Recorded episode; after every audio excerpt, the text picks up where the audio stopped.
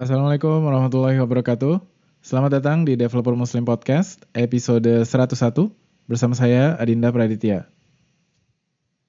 Halo halo, apa kabar semuanya? Alhamdulillah gue baik-baik. Senang banget di episode 100 yang lalu dapat sambutan yang meriah dari kalian semua. Gue gak sempet nyiapin sesuatu yang spesial di episode 100, tapi kalian semua udah memberikan dukungan yang sangat baik seperti episode-episode sebelumnya. Dan terutama untuk episode yang 100 ini itu dapat retweet dan like yang paling tinggi seumur hidup gue. Walaupun ya masih di bawah 50 cuman itu udah berarti banget dan ya gue seneng banget gitu dapat uh, tanggapan yang seperti itu dari lo. Jadi gue ngucapin makasih banyak buat lo semua. Sebelum lanjutin obrolannya, gue sama Leo sepakat untuk menerima pertanyaan-pertanyaan yang muncul pas lo dengerin episode ini dan episode sebelumnya. Caranya gampang, bisa email gue ke devmuslimid@gmail.com dengan subjek tanya mental model. Atau lo bisa nanya langsung di Twitter dengan tagar TJ Mental Model. Kita akan coba jawab atau setidaknya mengarahkan ke artikel atau buku yang bisa membantu jawaban itu. Baik, kali ini Leo akan jelasin knowledge management, tipe, model, dan distribusinya. Kemudian balik lagi ke mental model dari pengajaran Git yang beliau kasih serta kesimpulan obrolan kita dari dua episode ini secara menyeluruh. Benar-benar keren banget. Selamat mendengarkan. Oke, kita lanjutin lagi. Permisi, sebelum gue lanjutin, ada pesan-pesan sponsor dulu nih. Dengerin ya. Silakan Mas, diputar. Makasih buat waktunya. Sekarang dengerin lanjutannya yuk. Ingat gue sih terakhir yang minta, gue minta contoh yang gimana mental model lo tuh berkembang dari sesuai dengan pengetahuan lo gitu. Terus kalau misalnya udah berkembang itu, itu kan kayaknya obvious gitu ya. Terus jadi kita ngetahuin mental modelnya itu kalau itu berguna buat kita itu apa gitu. Berarti kita harus terus belajar gitu ya berarti ya. Jadi gini sebenarnya. Tadi kan gue bilang knowledge management itu kan ada cycle-nya kan. Iya, iya.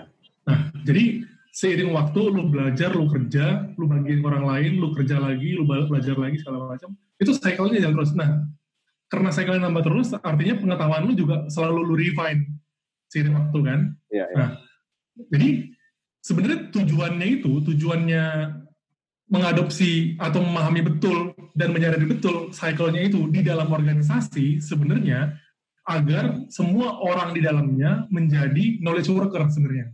Hmm, Oke. Okay. Itu. Kenapa penting banget knowledge worker? Karena gini, karena hasil akhirnya ya, kita berangkat dari hasil akhir yang diharapkan ya. Hasil akhir yang diharapkan adalah orang-orang di dalam organisasi itu menjadi individu-individu yang selalu belajar. Hmm. Nah, kenapa mereka harus selalu belajar? Supaya mereka gampang beradaptasi sama apa pun. Hmm, okay. Adaptif, tujuannya adaptif sebenarnya. Oh. Gitu. Jadi misalnya gini, misalnya kayak kan ada istilahnya kalau lu gak bisa beradaptasi, lu pasti gampang banget punah gitu kan.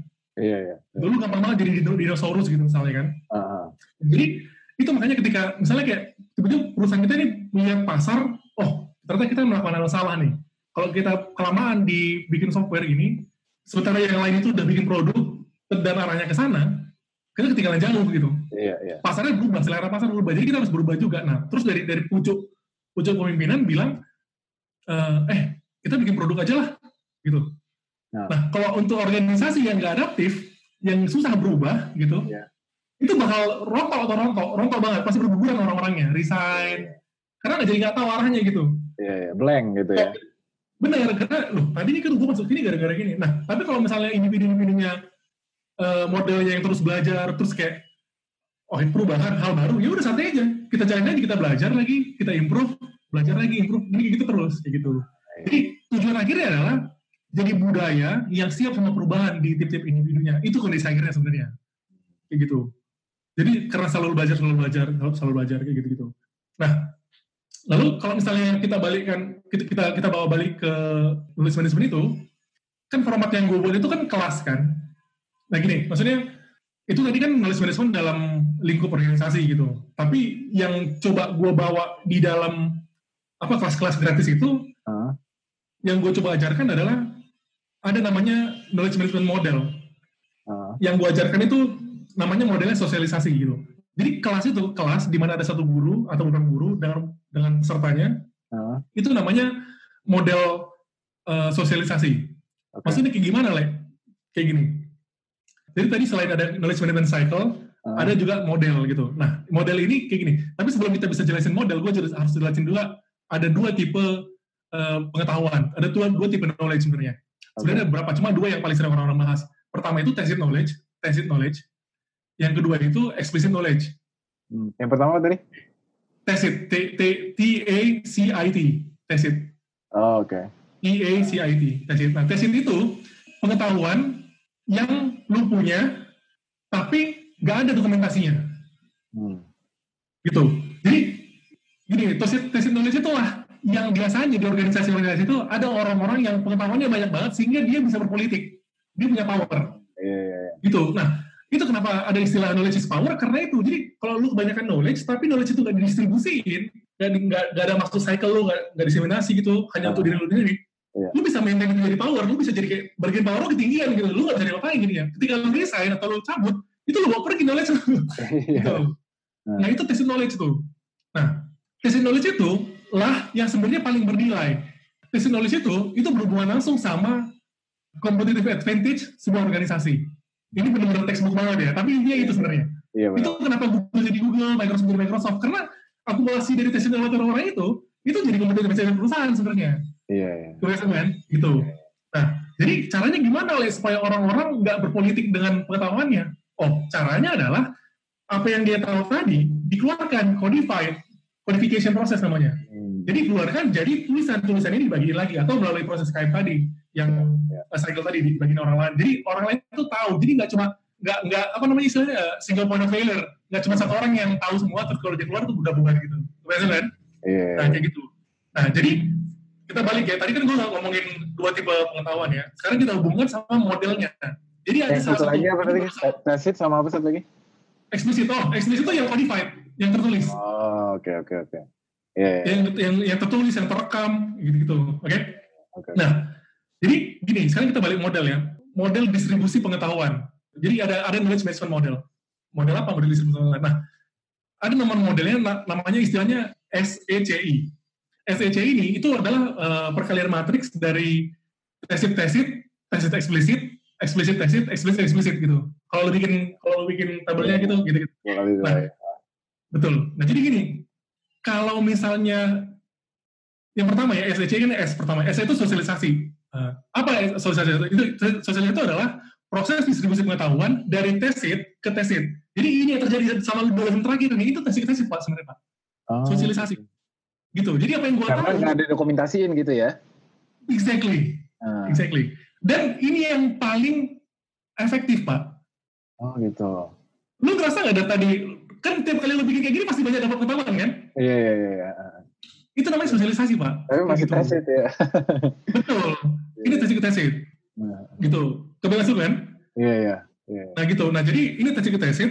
Ini namanya sosialisasi. Nah kelas gratis itu, kelas gratis itu pun gue batasin jumlah orangnya maksimal 8 atau 10 gitu.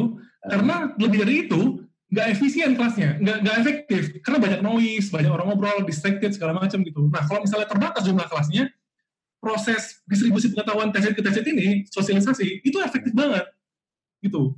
Orang langsung dapat paham, terus dia dua arah komunikasinya. Iya, iya. Kalau misalnya dia butuh, dia langsung challenge gue, gue bisa challenge balik, gue gue arahkan ke jalan yang benar kayak gitu-gitu. Iya, iya. Jadi- Ini yang sekarang kayak kita sekarang gini gitu kan.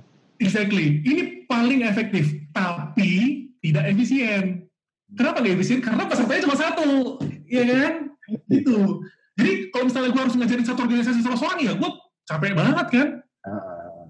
Gitu. Jadi ini nggak ini amat sangat nggak efisien. Ya soal one gini paling efisien, tapi ini paling efektif sebenarnya. Hmm.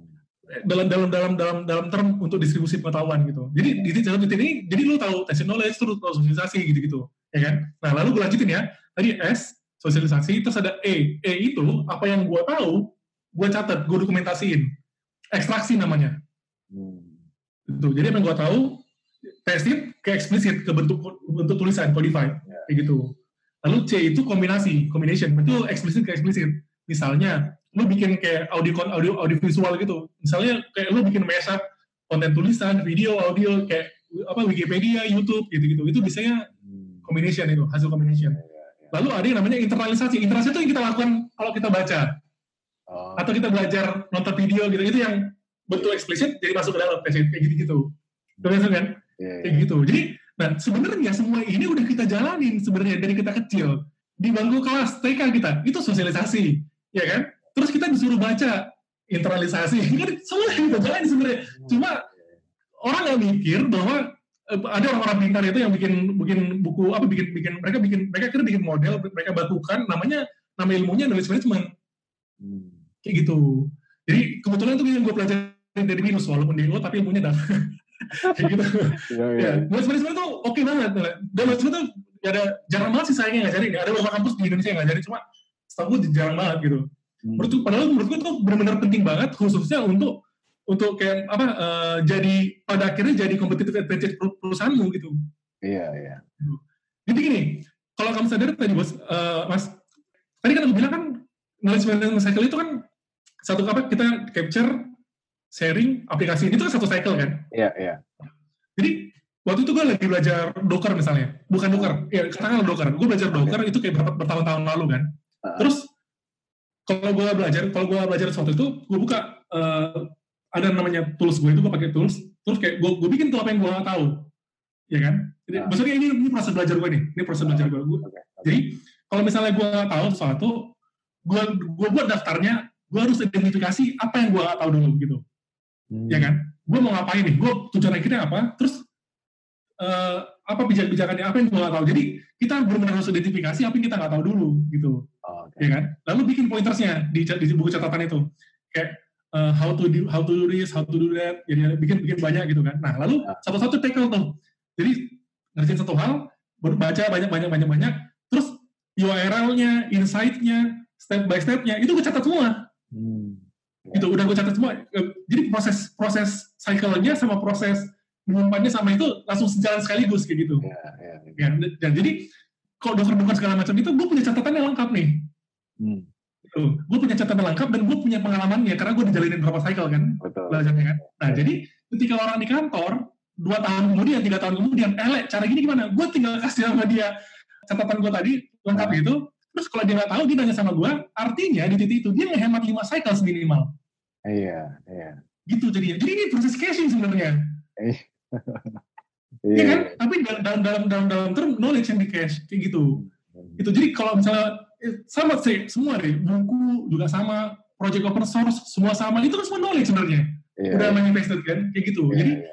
ya kayak gitu. Itu itu itu menurutku sih yang lebih yang benar end goal-nya itu sebenarnya. Supaya orang-orang benar-benar ngelihat mundur-mundur selangkah terus ngelihat gambaran utuhnya kita tuh ngapain sebenarnya? Yang kita lakukan ini ngapain berdua ini kayak gitu. Ini sebenarnya lagi lagi dalam proses distribusi pengetahuan tadi kayak gitu. Iya, iya, iya, iya. bentuk met- metanya Bagus banget. gitu. Iya, iya. Kayak gitu sih intinya sih. Terus kalau untuk yang spesifik yang di kelas Git ini eh, sejauh mana, sedalam apa yang barusan lo omongin atau agak kurang masih masih nggak terlalu dalam atau gimana? jadi gini eh, kalau yang bisa diharapkan dari kelas Git ini pertama-tama targetnya. Target orang-orang yang gue tuju untuk ikut di kelas ini ya. Nah, itu nggak salah-salah. Yang secara spesifik, gue bikin syarat hanya untuk orang-orang yang setiap harinya pakai Git atau dia programmer, gitu. Iya. Supaya nggak kehilangan salah-salah. Gitu. Benar. Pertama benar kehilangan konteks. Kedua, supaya karena buat gue penting banget berdampak kerja yang gue kerjain gitu. Iya, iya, penting banget karena capek kan proses ini kan. Sosialisasi capek banget kan iya, iya. gitu.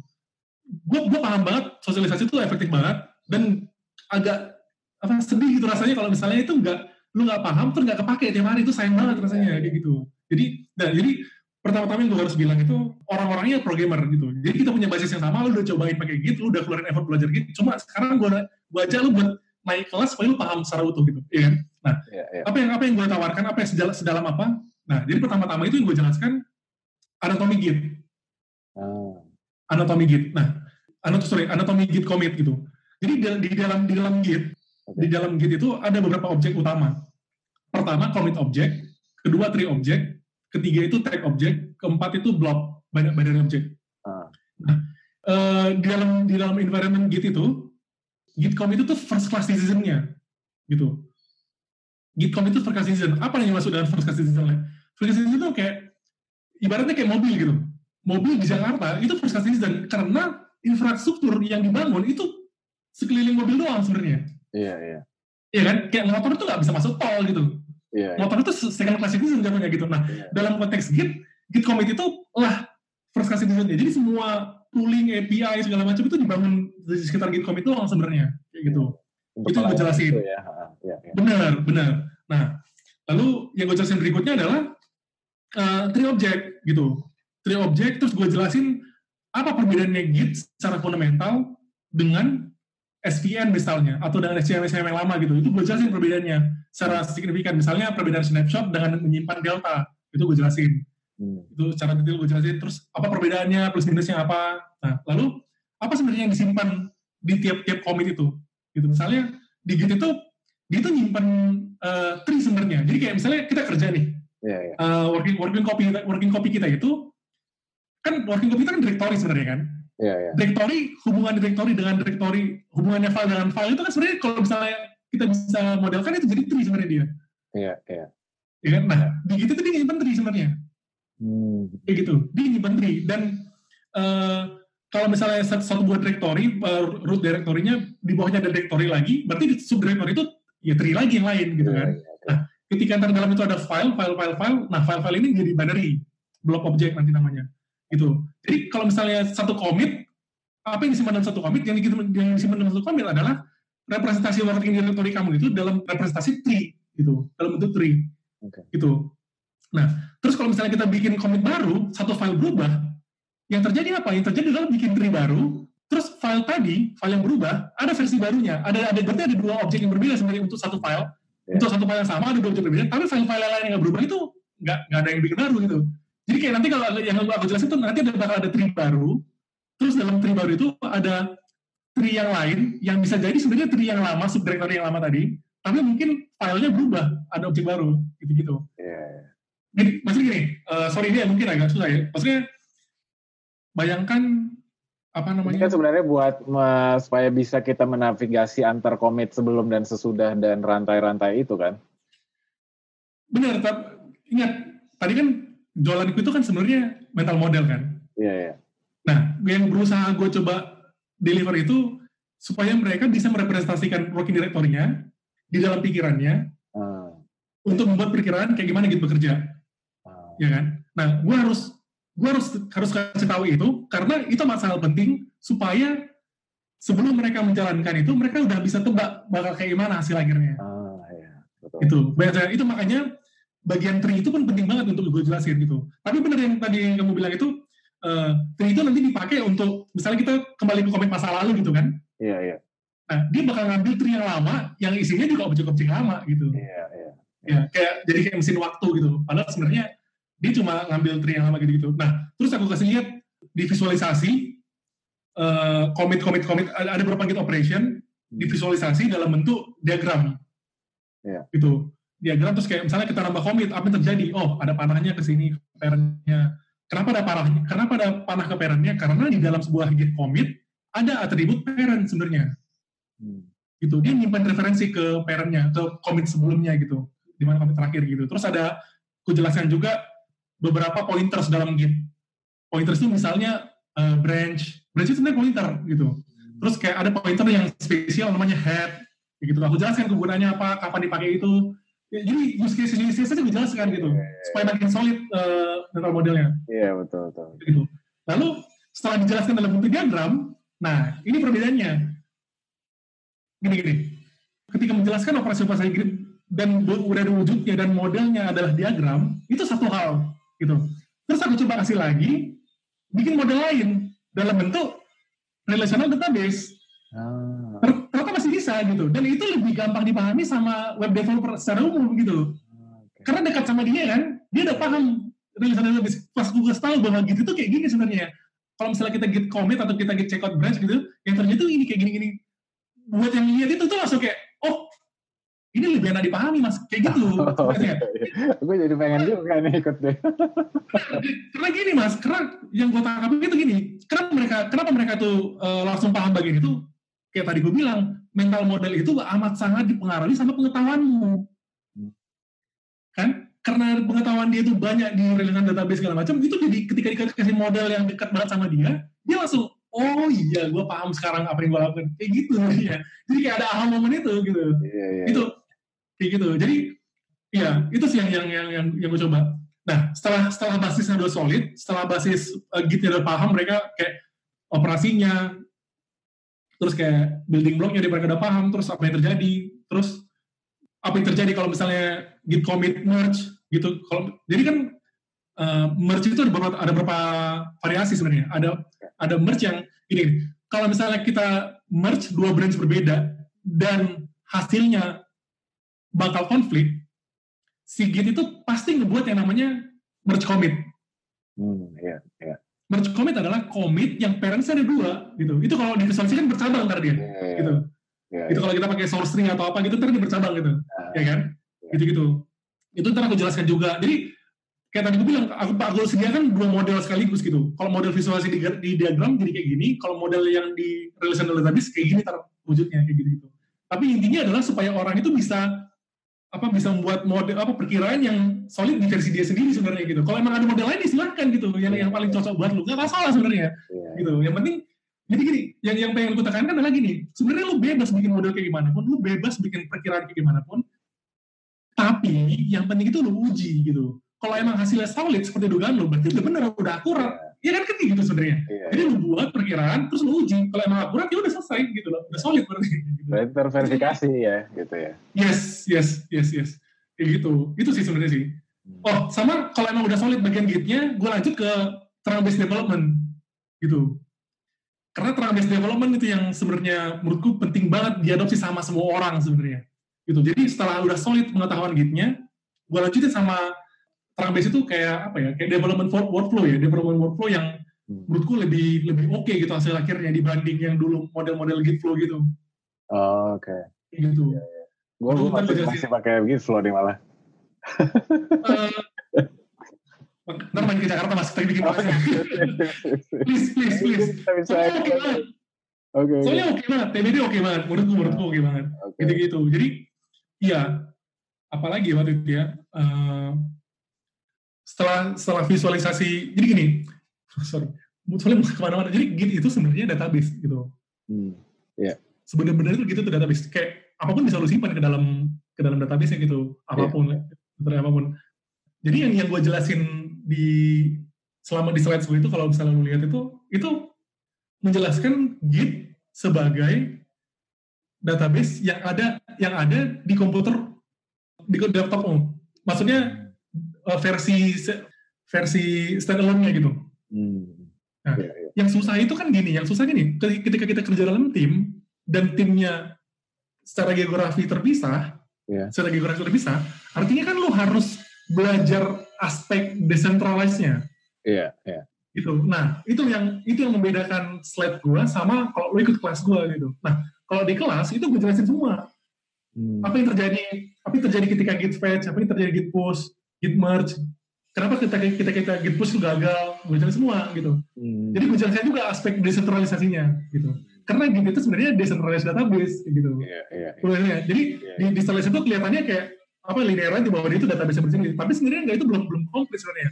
Versi komplitnya sebenarnya ada aspek desentralisasinya. Itu yang justru memberi nilai tambah banget. Yang itu kenapa semua orang adopsi karena aspek desentralisasinya yang bisa ngebantu banyak use case kan. Iya, iya, iya. Kayak gitu. Iya itu apa namanya? Makanya gue juga waktu udah lama banget malah ya gue dengarnya itu apa? Ada orang yang pengen bikin kayak apa sistem backup pakai Git gitu. Masuk akal banget. Itu kan masuk akal banget kalau kita udah ngerti gitu kan. Ternyata dulu gue gak nyampe gimana sih gitu. Buat apa gitu loh. Em, ya ternyata emang bisa mau file binary mau apa gitu kan itu ya canggih banget sih emang. Kayak Dropbox itu dari dulu mereka udah pakai Git kan. Oh, Dropbox itu backup Git bos. oh ya. ampun. iya.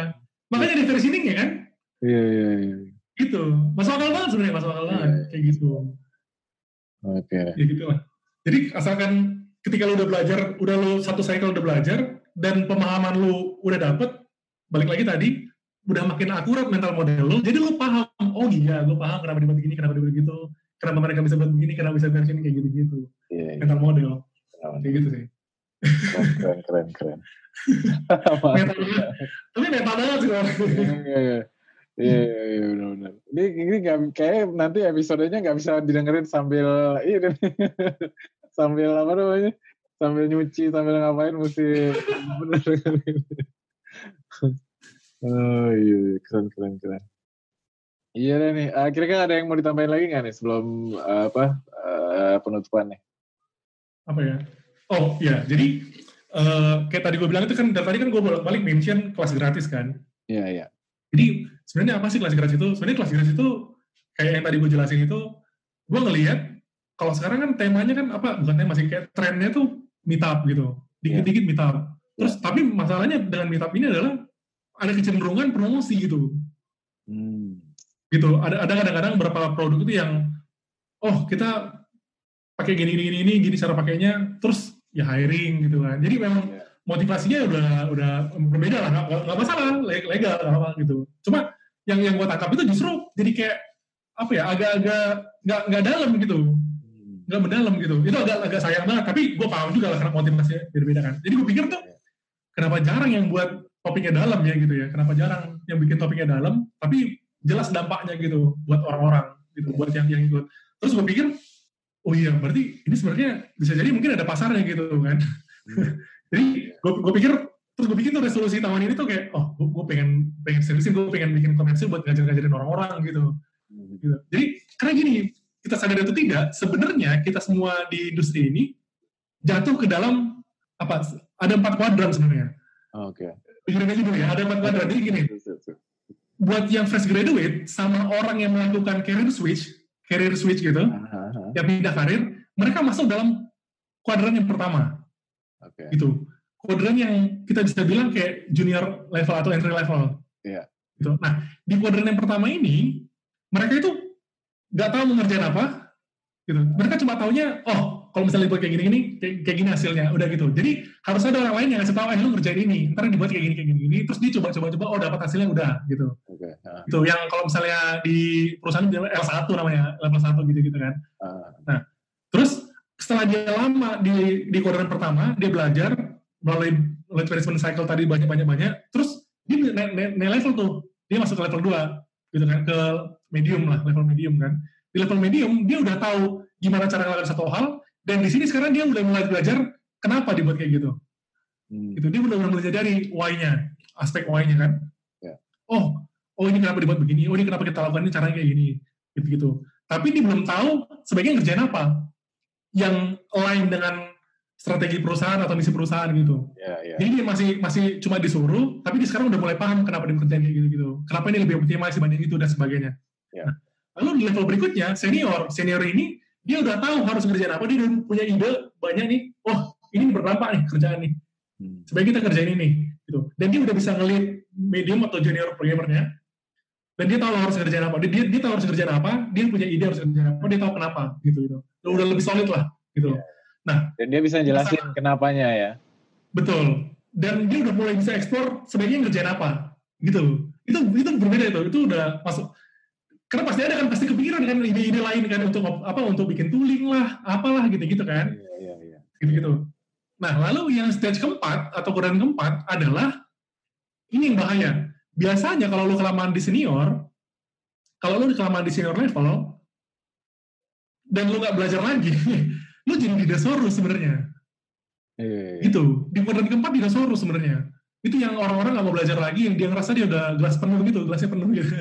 Gitu gitu nah jadi jadi kenapa kenapa terjadi ini? Karena orang-orang nggak menyadari knowledge management, knowledge management cycle itu. Hmm. kayak gitu. Jadi mereka, mereka pikir tuh eh, kayak misalnya gila tadinya gue tadinya gue spesialisasi di PHP gitu kan lama kan. Terus kayak tadinya gue kayak ya gue bisa bilang expert lah PHP gitu kayak enam tahun yang lalu gitu. Hmm. gue habis 4 tahun gitu banyak main PHP kan. Terus kalau misalnya sekarang orang loh emang masih relevan skill gue kayak gitu gitu kebetulan pas sekarang tuh harus harus ikutin harus ikutin arah industri kan kita kita kan? Iya, iya, iya. kayak gitu gitu dan gue udah ngeliat tuh di di sekeliling gue tuh ada ada yang kayak gitu ada yang keenakan kelamaan terus nggak belajar belajar lagi jadi dinosaurus gitu. Dan susah ngajarinnya untuk untuk balik lagi. Bisa tapi lebih lama lebih susah gitu. Kayak gitu gitu jadi maksudku adalah gini di tiap kuadran ini ada opportunity sebenarnya. Gimana supaya orang ini nggak kelamaan supaya bisa naik lagi naik lagi naik lagi kayak gitu Iya, iya. Maksudnya kan? Kayak gitu. Kenapa kepikiran ini? Jadi gini kalau di industri yang lain di misalnya eh, akun akun akunting ya akuntan akuntan publik gitu akuntan terus kayak pajak terus kayak hukum mereka itu tiap tahun ada kayak sejumlah kredit yang mereka harus capai supaya mereka tetap relevan. Itu kuncinya. Iya, iya, iya. ada sejumlah kredit yang mereka capai supaya mereka tetap relevan. Yang mana tuh masuk akal banget gitu Hmm. Kalau misalnya kayak di pajak itu regulasi yang baru gitu-gitu. Kan tiap tiap tahun ada aja regulasi baru gitu kan. Terus gue pikir loh kok kita programmer tuh nggak ada ya? Kok kita tuh kok kayak membiarkan aja gitu kayak lepas aja tergantung motivasi orang-orangnya gitu eh, oke Antara. iya bener. Nah terus satu kali gue lihat Pivotal Labs ngelu- ngeluarin Terradar. Pernah baca Terradar nggak? Iya, iya. gitu. Terradar tuh kayak gue langsung kayak aduh ini nih ini yang oke banget kayak gitu. Kayak mereka tuh tiap tahun ngasih kayak rekomendasi sebaiknya ini lu lu pelajari gitu lu, lu coba adopsi kalau cocok kalau nggak lu pelajari gitu. Yang mana Iya, iya. itu kan kayak memperluas wawasan kita nambah knowledge supaya makin akurat lagi kan meta modelnya kan kita gitu lagi balik lagi. Kayak gitu sih. Jadi menurutku eh, mungkin di awal-awal baru cuma git gitu sama knowledge management mungkin sama javascript. Tapi sebenarnya bisa apa pun bisa karena tiap segmen itu ada ada opportunity gue yakin banget gitu. Iya, iya, iya. kayak gitu lah kira-kira. Tapi formatnya kelas gitu karena lebih efisien eh, lebih efektif kayak gitu menurutku. Menurutku. Bisa jadi salah. Kayak gitu sih. Jadi Terus dari sini lo mau nextnya apa nih? Dari sini eh, kan lo udah, ber- udah berapa kelas lo yang lo buka? udah banyak banget sih. Udah nggak tahu. Udah hampir 10 ya kayaknya. Yang yang untuk gratis sih tiap, tiap bulan gue buat sih. Berarti ini bulan kelima kan udah lima berarti gue buat tahun ini kalau sebelum sebelumnya kayak paling di internal perusahaan di internal perusahaan juga bolak balik kayak gitu gitu gitu gitu udah udah sering banget sih gue sih.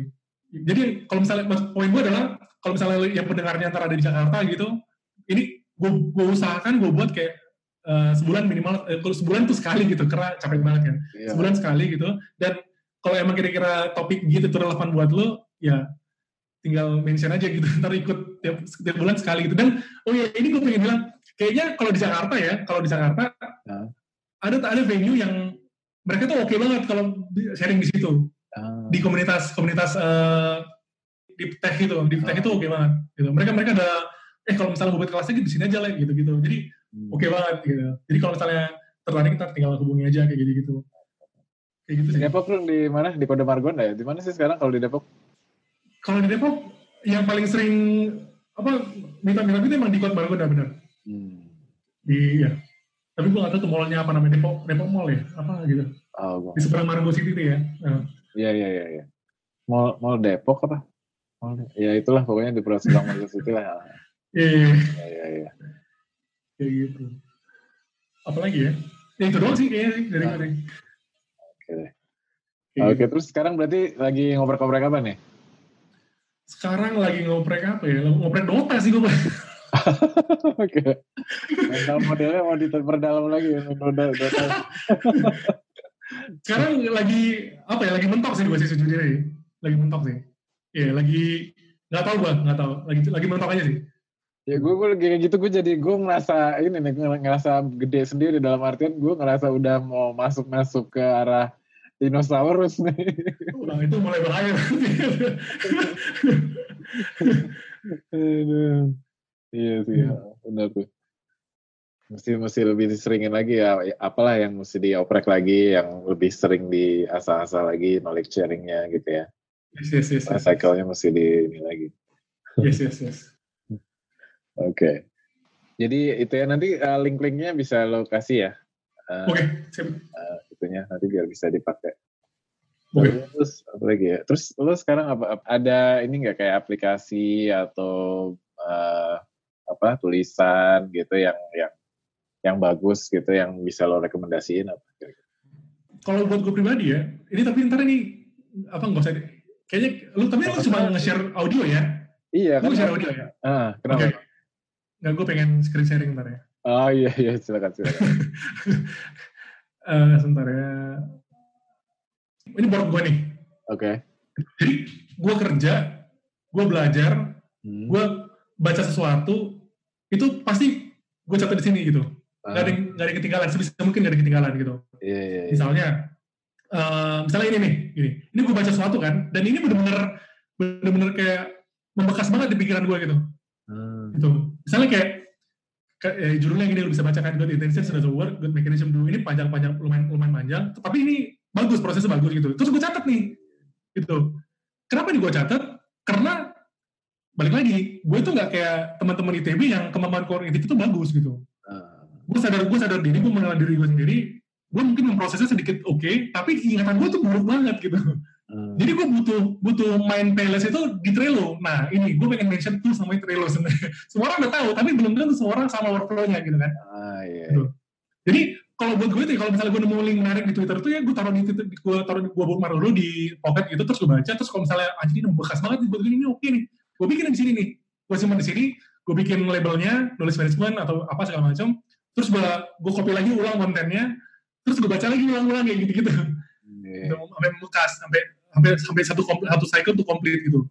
Hmm. pun kalau gue kerja ini kalau gue queue ya wah udah udah ada ya bentar ya. Kalau misalnya gue kerja ini nih ini tubuh gue nih gitu. Kayak tadi gue bilang itu gue identifikasi apa yang gue nggak tahu gitu. Iya, iya. apa yang harus gue kerjakan ini kalau misalnya tuduh tuduh tuduh misalnya bug gue bikin kayak gini gini segala macam jadi bener-bener apa yang dalam pikiran gue itu gue taruh di sini dulu karena gue pasti lupa gitu. Karena gue nggak sanggih itu gitu. Iya, gue tulis aja dulu semuanya. Gue paham apa nggak paham gue tulis aja dulu gitu iya, iya. jadi gue kerja sekalian belajar di sini gitu. Jadi ketika ntar ada orang lain nanya, eh gini mana? Gue tinggal kasih URL aja atau gue sharing ini, gue ekspor PDF, gue kasih sama dia selesai kan namanya. Iya. Wah, keren banget. Ini casingnya kan soalnya kan. Ah. Ini case-nya pak, gitu. Kita ada kerja, kita ada query ke database-nya, ada proses kerjanya. Terus ini udah mateng kan, ya udah disimpan di Redis-nya aja. Ini Redis yang gue versi gue kayak gitu. Iya. Pokoknya ada ada ada knowledge knowledge yang gue tangkap waktu itu dibaginya kalau ada masalah harusnya gimana kayak gitu semua ada gue catat nih gitu karena gue karena gue sadar gue gak sejago itu tapi gue nemu trik nemu cara gimana supaya supaya apa yang gue pelajari ini eh, tetap ada bentuk codified-nya sehingga gue bisa refer lagi nanti di masa depan siapa pun itu yang bisa gitu gitu Iya. kayak gitu sih Gue baru setahun belakangan doang nih. Apa nulis-nulis kayak gitu. itu juga nggak banyak banget sih. Iya maksudnya poin umum banget gitu, nggak sampai detail banget. Nah, itu. Nah, jadi kalau bisa eh, saranku ke teman-teman juga yang lain, apa pun itu, apa pun itu, ingat tadi proses cycle-nya itu. Nggak boleh ada yang hilang di situ cycle-nya. Kalau nggak, kita ngulang dari awal lagi jatuhnya. Iya iya. Gitu. Karena, ingat, gimana? Iya, iya. kayak berapa kali kan misalnya em, kita masalah nginstal apa versi database tertentu gitu, misalnya yang nggak terbaru, mungkin versi Iya. lama, itu bermasalah selalu kalau misalnya kita ganti laptop atau apa gitu. Tapi karena kita nggak catat, ya kita nyari-nyari terus gitu, nggak nggak Exactly. kan? Wah banget deh tuh. Itu dia. Jadi, eh, jatuhnya kita jadi nggak efektif kan? Dan nggak efisien, waktu habis. Terus Iya. kita, jadi kita retrace lagi di steps-nya gitu kan? Iya iya iya. Kayak gitu. Jadi kita nggak jadi effective engineer gitu. Jadi itu makanya eh, saran gue itu untuk teman-teman mulai sekarang ngerjain apa pun itu apa yang ada di pikiran kita tuh keluarin dulu dalam bentuk list gitu sebisa mungkin list. Terus apa yang lo nggak tahu identifikasi itu penting tuh. Apa yang kita nggak tahu identifikasi apa yang kita tahu tulis gitu. Terus kita harus identifikasi juga announce-nya. Apa yang kira-kira kita pikir kita tahu tapi enggak ternyata tulis juga gitu gitu. Jadi itu solid banget. Jadi gini, aku share lagi sekali lagi ya, biar biar biar biar biar, biar bisa lihat kayak sa- nanti teman-teman baca kalau mau tahu ntar ya kita acara offline aja kita kasih lihat. Misalnya gini, misalnya kayak Trello ini itu bisa kita sebut namanya KM tools, knowledge management tools. Gitu. Nah, gue tinggal gue tinggal pencet F, terus gue tinggal cari misalnya Docker. Nih, udah selesai. Dapat semua catatan gue tentang Docker nih Hmm. gitu karena gimana kayak, kayak tadi gue bilang kemampuan otak gue terbatas gue tinggal pakai tools jadi untuk bantu kan Iya, iya. kayak gitu yang penting itu nah jadi tadi itu tadi kan kita di awal-awal bilang kan yang gue yang gue lakukan semua ini yang gue bilang barusan semua ini itu nggak nggak nggak cuma ngemeng-ngemeng nggak cuma salah ngomongin bener-bener gue lakukan ke eh, junior gue di kantor gitu Hmm. jadi gue eh, kantor itu hire eh, fresh graduate fresh graduate dulu terus gue ajarin tuh gue ajarin pakai Trello gue ajarin kita yang tadi tuh gue ajarin ujung-ujung segala macam Iya, iya. Nah, jadi kalau dia nanya ke gue, eh Mas Leo, ini gimana caranya ya? Gue jelasin tuh, detail nih, ujung-ujung gitu kan. Kadang-kadang kalau gue lupa, gue baca lagi catatan gue. Kan? Terus gue bilang sama dia, udah paham loh? Udah, ya udah. catat dulu gue bilang gitu. Catat dulu. Jadi biar terbentuk budaya untuk bikin catatan. Mantap. gitu.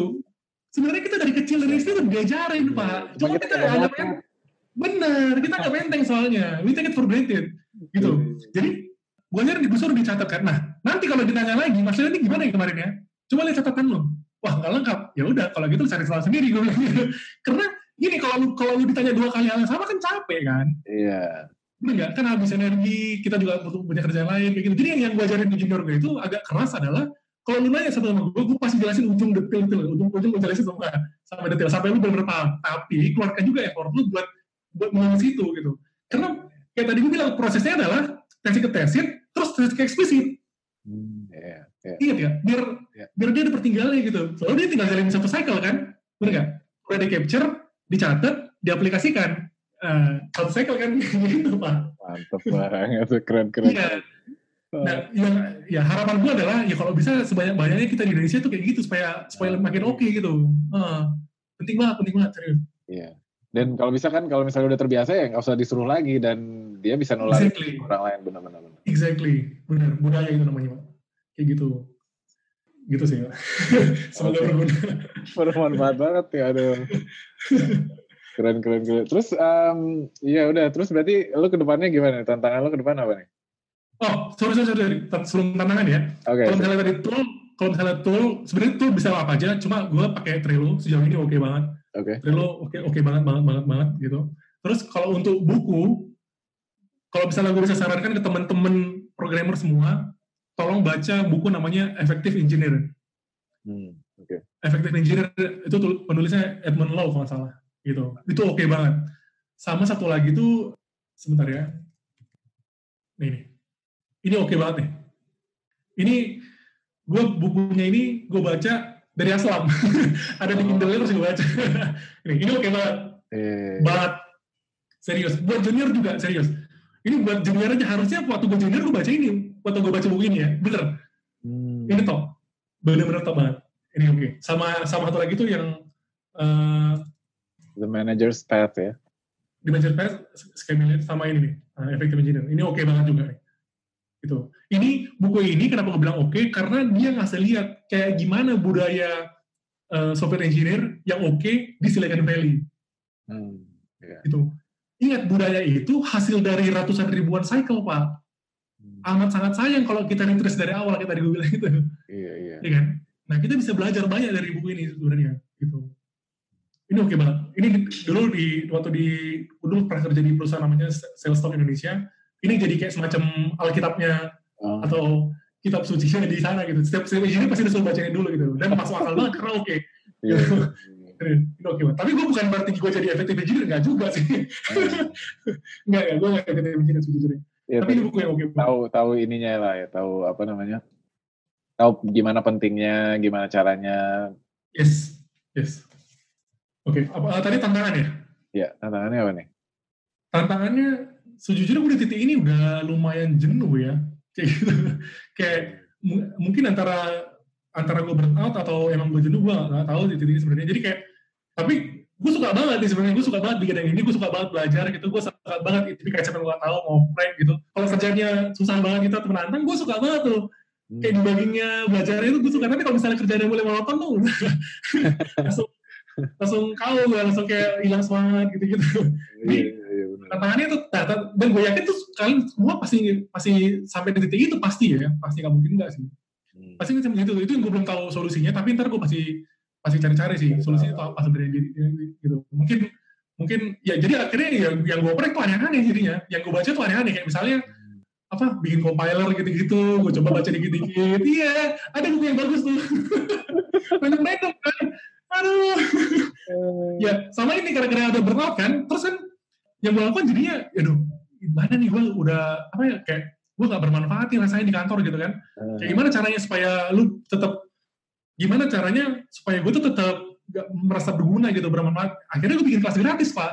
Oh iya. Kayak gitu. Ketika ada tantangan itu jadi ketika tantangan itu kan kadang-kadang bikin bikin lu down ya. Kalau gue susah down kan kayak Hmm. apa kayak, kayak dead end gitu. Kayak aduh nih ngap- ngapain lagi nih gue nih? Kayak kurang nantang gitu kan. Terus akhirnya gimana supaya tetap makin tetap menarik hidup lu tetap berguna ya lu sharing aja gitu. Iya. lu sharing knowledge ke orang-orang lain. Karena kalau lu sering nulis pasti lu belajar juga sih dari orang-orang juga sebenarnya. Iya, iya. kayak gitu sih. Iya, Ya, bener. tantangannya itu sih bosan nih bukan main kayak gitu Pak. Terus jadi eh, aktivitas menarik dalam waktu dekat apa? Artis menarik lainnya apa yang nggak ada sih kayaknya naik gunung kali Cuma- ya. Iya, iya, iya. Iya deh. Iya deh, makasih banyak nih, Leo. oke siap siap Benar-benar luar biasa apa yang dibagi sama Leo buat kita semua. Semua pengetahuan yang lo dengar ini masih tesit. Supaya nggak hilang pengetahuan yang sangat berharga ini, lo harus jalanin siklusnya. Catat dulu kodifikasi poin-poin yang lo dapet di episode ini agar jadi pengetahuan yang eksplisit. Terus lo bagi lagi pengetahuan ini ke orang-orang di sekitar lo. Dan seperti yang udah gue sebut di awal episode, Leo berbaik hati untuk menjawab pertanyaan-pertanyaan yang muncul di benak lo saat dengerin episode ini dan episode sebelumnya. Kirim pertanyaan lo ke devmuslimid@gmail.com dengan subjek tanya mental model, tanya mental model, atau tanya langsung di Twitter dengan tagar TJ mental model. Kita tunggu sampai tanggal 22 Agustus 2019. Setelah itu gue rekaman lagi bareng Leo, edit episodenya, dan rilis di podcast. Doain agar semuanya berjalan dengan baik ya. Kalau lo cerdik, lo akan langsung DM Bung Leo ini untuk minta beliau jadi coach di kantor atau tim lo. Gue yakin banget dampaknya akan sangat besar sekali buat kinerja perusahaan dan secara individual, mereka juga akan sangat berterima kasih karena keahlian itu benar-benar langka dan bermanfaat banget. Link profil Bung Leo dan link-link yang kita bahas di episode ini ada di devmuslim.id slash episode 101. Ini juga kalau gue dipikir-pikir itu suatu yang selalu gue upayakan di semua episode podcast Developer Muslim. Ada sebagian informasi yang disampaikan di episode itu terkodifikasi supaya lo nggak dengerin ulang atau nebak-nebak atau googling tema yang dibahas. Semua linknya itu langsung dari tamu yang diundang jadi lebih pasti. Kemudian gue juga nyediain segmen waktu kapan kita lagi bahas apa. Semuanya itu buat menghemat waktu kita dan membantu kalau ingin menelusuri topik pembahasannya lebih lanjut. Kalau suka dengan apa yang disajikan di podcast ini, setidaknya lo bisa bantu kasih rating yang bagus di mana pun lo dengerin podcast ini, terutama di Apple Podcast dan Google Podcast. Lo bisa bantu gue juga untuk mencarikan editor audio karena itu beban yang cukup besar. Gue juga mulai mengumpulkan dana untuk membayar editor itu supaya beban gue jadi lebih ringan. Lo juga bisa ke anchor.fm slash devmuslimid untuk mendukung operasional podcast dengan memberikan donasi bulanan mulai dari 1 dolar, 5 dolar, atau 10 dolar. Apa pun atau berapapun itu, itu akan sangat berarti buat podcast ini dan para pendengar sekalian di tanah air kita tercinta. Wah ya dah. Bener tapi memang bener sih. Buktikan kepedulian dan dukungan lo untuk podcast ini. Pertanyaan, kritikan, saran, atau mau nawarin bantuan lainnya bisa kirim email ke devmuslimid@gmail.com atau DM gue langsung di Twitter atau di Instagram dengan akun yang sama at devmuslimid. Podcast ini bagian dari Product and Development Podcast Community Indonesia. Evaluasi lebih lanjut bisa ke github.com slash pdpcid. Baik, gue pamit dulu. Sampai di episode Developer Muslim Podcast berikutnya, insya Allah. Wassalamualaikum warahmatullahi wabarakatuh.